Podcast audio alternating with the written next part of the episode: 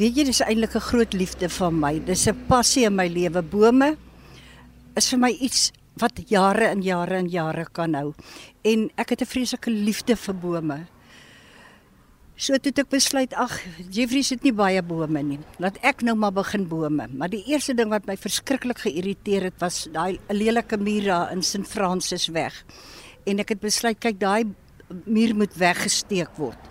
Toe ek my eers van my eerste bome, in September, het ek 60 Kaapse essenhoutbome daar geplant en ek het boontoe op in Oktober weer 60 willekaanverhoutbome daar geplant en ek het 220 spekbome al langs daai lelike muur geplant wat die pleister nie goed so afgeval het.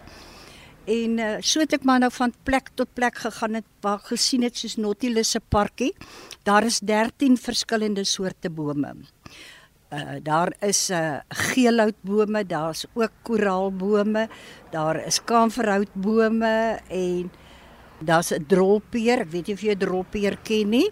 Daar's kaashoutbome, daar is melkhoutbome, daar's 13 verskillende soorte bome wat ek daar geplant het.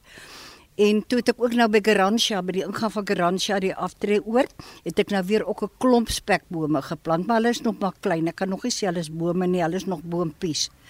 En toe in in ek weet nie watter jaar so 3, 4 jaar terug het ons besluit ons gaan Dalkwood vat want 'n ander vroutjie se droom was sy wil 'n rooi laning daar hê. En ons het koraalbome daar begin. Wat soek jy by? Ekskuus, die koraal. Hy seker hier agter die uh, blomme van die koraalboom aan. So. Bytjie, maar in elk geval het ons besluit 'n uh, op haar jy onthou vir Deline Soria? Ja, goed. Nou dit was haar droom gewees. Nou ek kan nie daar 57 wat nou groei. Daar's baie meer geplant. Ek kan nou nie al die eers sê ek het alles daar geplant nie, maar ek en Deleen en ook die Victoria Kerk se se jong mense het dit geplant. Hier in my eie straat in Koraalstraat het ek al amper 20 koraalbome geplant. Maar kom kyk nou net hier met die baai wat nou hier so om die mikrofoon kom zoom het. Hier staan 'n reuse koraalboom hier voor, hier waar die karre nou so ry en dit is Koraalstraat. Was die boom hier toe jy hier kom? Nee, nee, nee, toe ons die huisie begin bou het, Ek het 'n groot voorliefde vir koraalboom omdat hy so maklik groei.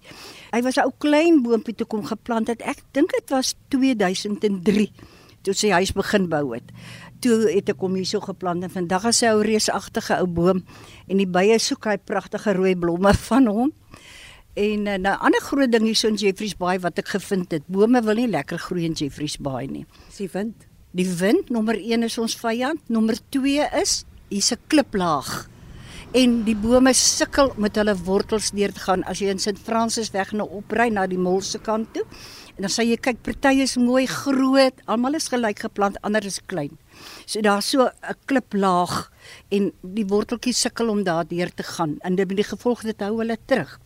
Wat nou vir my interessant is want dit is wat ek uh, raak gelees het op Jeffreys Bay se dorp van drome se Facebook bladsy is Surya Swart wat gesê het Dit gaan nie om met watter projek jy begin nie. Ja. Jy kan nie praat van 'n sukses nie. Enige iemand kan 'n tuintjie maak en daarvan wegloop, ja, ja. maar die volhoubaarheid daarvan en onderhoud. En ek kan nou sien die knikkie kop uh, vreeslik instemmend daaroor. En bome plant is nie net sommer van 'n boom plant en wegloop nie. Ja nee, definitief nie. Die onderhoud is nogal erg op hulle. Ek het 'n 'n pragtige werker. Hy's my regterhand want ek is nie meer fisies in staat om net gate te grou en so nie, maar hy help my daarmee en uh, ek gebruik hom 4 dae in 'n week as hy weer dit toelaat.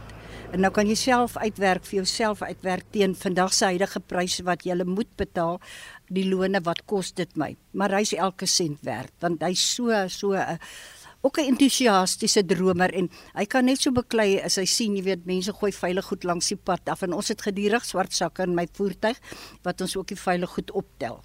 En dan uh, sal hy die beddings om die bome sal hy mooi skoon maak en aan die kant hou en soos ek sê ek het eintlik drie projekte. Ek het Koraalstraat wat ek nou voor my besig is om te doen. Ek het Nautilus se parkie wat ek doen. Ek het ook St Francis weg en dan het ek ook by die polikliniek. Maar by die polikliniek het ek nie bome geplant nie. Ek het daar struike geplant. So uh, dis maar 'n groot groot voorliefde van my is vir die natuur. Ja, kan en hierdie is 'n baie besige straat. Dit is nou nie was vir die lekker bome en so. Ek gedink ek is in Johannesburg. Ja. Dis 'n baie besige straat hier. Ja, hy's baie baie besig, ja. Maar goed, die volhoubaarheid van 'n projek om so te plant. Ons was deur 'n groot droogte en alles. Alhoewel daar is nog steeds 'n groot droogte veral in die opvangsgebiede. Water is ook skaars uh, hierso in in Jeffreys Bay. Hoe kan jy dit so volhoubaar volhou? My man Erik het 'n sleepwa gebou waarop ons 'n watertank wat ons gekoop het gesit het en daarmee het ons die water omvol gemaak. Die uh, suiweraarswerke, daar waar die riool geplaas is, het my gehelp partykeer met water, maar hy het ook nie vooruitsigte gehad om watertanks op te sit. So ek het genoeg watertanks gehad en nadat hy oorlede is, want voor dit toe het hy nou die Land Cruiser met die uh uh uh waar verkoop met die tank verkoop en nou vat ek bottels, 5 liter bottels.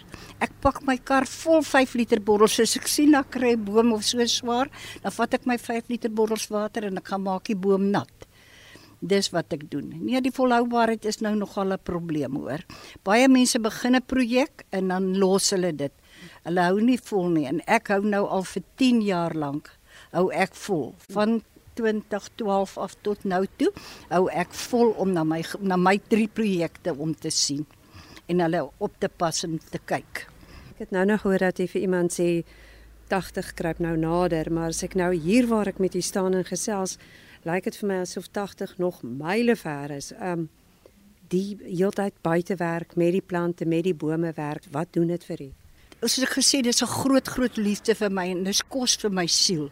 En ek wil nou nie met my Christelikheid te koop loop nie, maar ons Skepper het vir ons 'n paradys agtergelaat en ons moet dit oppas en dis iets wat vir my baie baie na my hart lê. So dit is hoekom ek dit doen vir die liefde van die saak, regtig. Een die man Erik het al die jare in die Val Driehoek gebly as ek dit nie mis het nie en daar het jy ook bome geplant.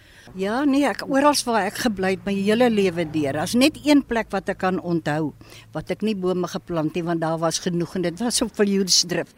Maar al die ander plekke het ek bome geplant, maar dit sluit nou vrugtebome ook in en suurbome het ek bome bly plant. So ek is ek nou rofweg moet skat. Dan dink ek ek het oor die 2000 bome al in my lewe geplant en dis nou die reine waar kan dalk bietjie minder, bietjie meer wees, ek weet nie. Ek het nooit getel nie, maar ek weet dit was baie. Dit klink asof passie die mengsel Surya, jy's hier van dorp van drome by ons, Surya swart. Dit klink asof passie en 'n bereidwilligheid om hard te werk hierso half in die resep ingewerk word passie beslis. Enigiemand kan iets begin, maar om iets suksesvol te volhou en om te sorg dat die dag wanneer Tannie Hetty haar kop neerlê, dat dit nog steeds sal aanhou en aanhou. Dit is baie belangrik. Want onthou mense trek weg en mense gaan dood. En om dan daai ding agter te laat wat van self nog steeds groei. En ek dink Tannie Hetty en oom Erik het dit nou reg gekry. Tannie Hetty het byvoorbeeld iemand soos Louis van die apteek wat elke maand nou nog oor die hele 10 jaar finansiëel bydra. So daai tipe van volhoubaarheid is ongelooflik belangrik het die Erasmus boomplanter van Jeffreys Bay of die Kouga streek klink dit vir my en vroeër jare sommer in die Val driehoek daarbo in Gauteng. Surya het hier gepraat van 'n borg. Want dit is 'n duur storie. Kan 'n mens 'n projek deesdae nog volhoubaar doen as jy nie borge het nie en hoe het jy met jou kop daar omgewerk? Kyk, ek het 'n hele paar borge in die begin toe ons met dorp van drome begin het. Het ek 'n hele paar borge gehad, maar soos Surya sê, die mense stel naderhand nie meer belang nie of hulle kan nie meer nie of hulle is oorlede. En my enigste een wat nog voluit hou is Louis van ons apteek. Ons mag nou nie die apteek se naam sê nie, maar ek hoop hy hoor en hy luister na die onderhoud. En dan wil ek net sê, die bome is my nalatenskap vir Jeffreys Bay en ook vir dorp van drome. Wat sou jy sê vir die mens wat wonder, moet ek nog 'n boom plant? En vir die mens wat sê, nee, hierdie boom mors te veel, ek gaan hom afkap. O nee, asseblief tog nie, maar maak seker watse bome jy plant. As jy weet dis 'n boom wat blare mors, moet hom dan liewerste nie plant nie. My koraalboom mors lekker deur die deur die winter, maar ek gee glad nie om nie. Ons beharkie blaartjies op en ek maak 'n komposhoop daarvan.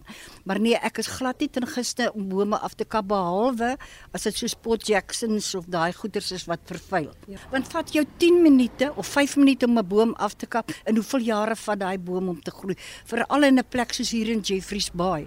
So waardeer bome. Waardeer hulle. Hulle gee vir ons suurstof. So love a tree.